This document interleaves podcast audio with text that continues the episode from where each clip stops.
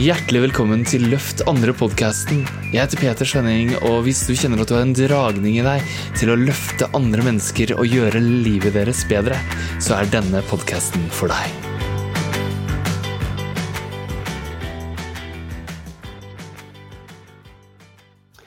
Hei, min venn. Nå er det sommeren 2020. Og jeg lurer på, har det her vært et gledens år?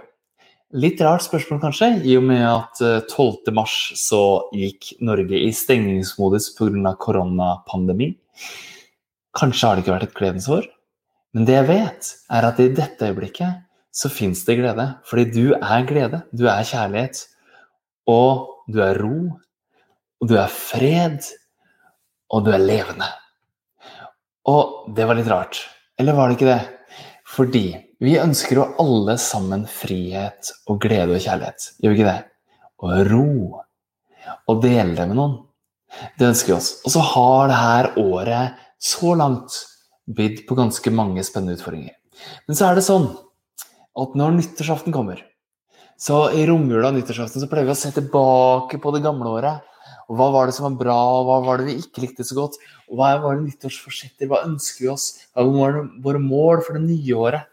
Så har vi Det er sånn typisk klassisk kalendertidspunkt å revurdere og sette noen nye standarder og retninger. Men nå er det sommeren. Vi er midt på, imellom det første halvåret og det andre halvåret. Så hva om vi da begynner akkurat her og nå og kjenner på hva? Fordi det er noen spørsmål som er smarte å stille seg. Så du kan stille deg sjøl de spør samme spørsmålene. Hva om du kunne kjenne etter nå? Hva er du takknemlig for i dette øyeblikket? Hva er det som har vært fint for deg i dag? Kan du finne én ting som har vært fint i dag? Ok, er det noe rundt deg i livet ditt som du kan være takknemlig for nå? Én en eneste ting. Og er det noen du er glad i, som du i det siste har utveksla noe fint med?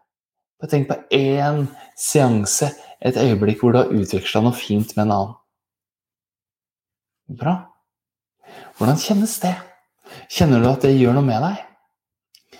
Da kjenner du på takknemlighet, min venn. Du kjenner på glede. Du kjenner på det som egentlig er essensen din. Så la oss gjøre en liten øvelse nå. Kan du se tilbake på det året som har gått, det halvåret som har gått? Så skjedde det masse. Og det snudde opp ned på veldig mye. Men kan du finne ting som har vært bra? Utfordringer, ting som har brakt nye ting, som har åpna nye ting. Hva kan du være takknemlig for i det halvåret som har gått? Bare spør deg selv. Hva kan du være takknemlig for i det halvåret som har gått? Yes. Hva mer? Yes. Hva mer? Yes. Så kan du fortsette å utforske det og stille deg spørsmål om hva du er takknemlig for i halvåret som har gått. Og ja, la oss ta opp det. Det er ikke alle som syns det er like lett å finne ting å være takknemlig for i det halvåret som har gått.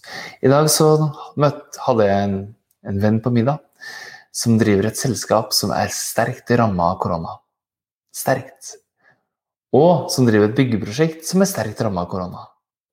Men han, og hadde hatt hjemmebarnehage, som også er eh, heftig når det er to voksne som begge har hjemmekontor og prøver å få ting til å henge sammen.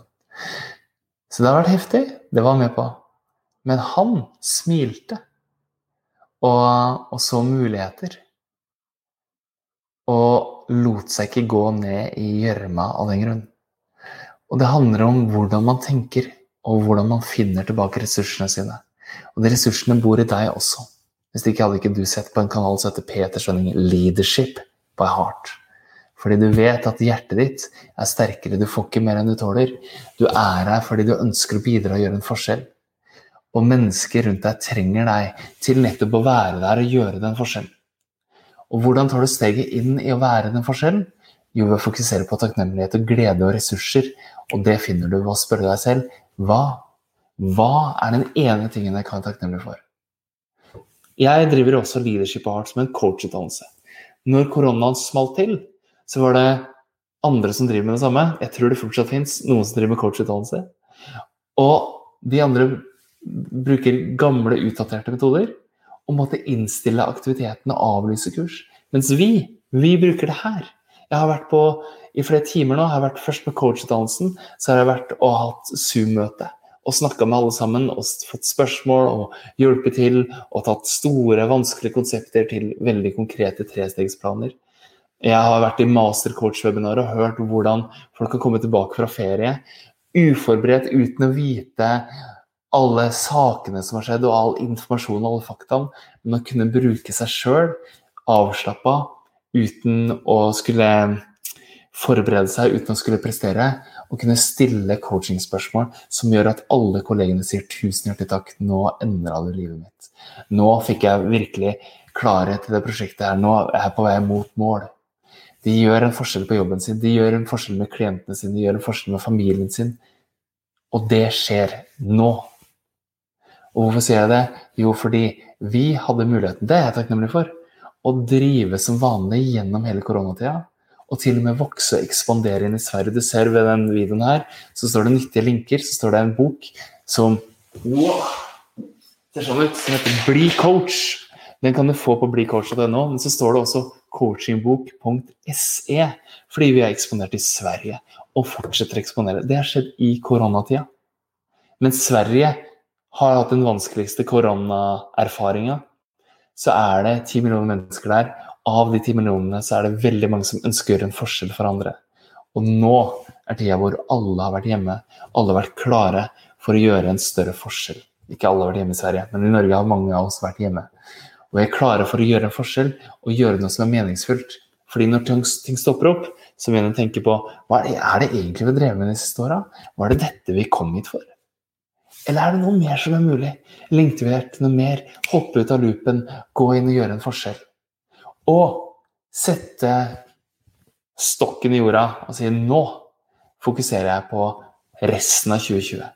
Hvordan kan jeg gjøre dette til et gledens år? Skal få noen stikkord av meg.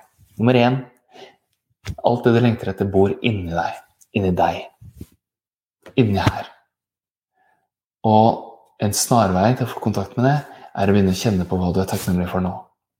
Og så kan vi begynne å kjenne på ok, der ute i framtida, neste nyttårsaften, når du skal se tilbake på det her halvåret som begynner nå, hva ville du vært takknemlig for da? Hva skjedde for deg? Hva løste seg magisk? Hvem gjorde du en forskjell for? Hvordan kjentes det? Kjenn på det.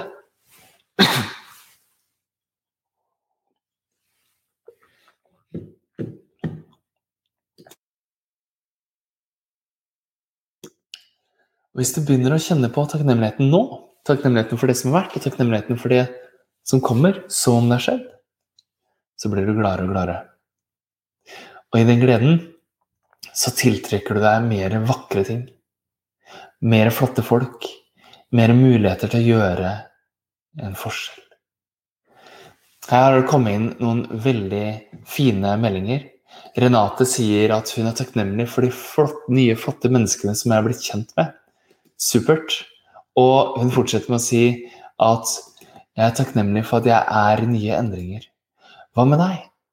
Hva er du takknemlig for?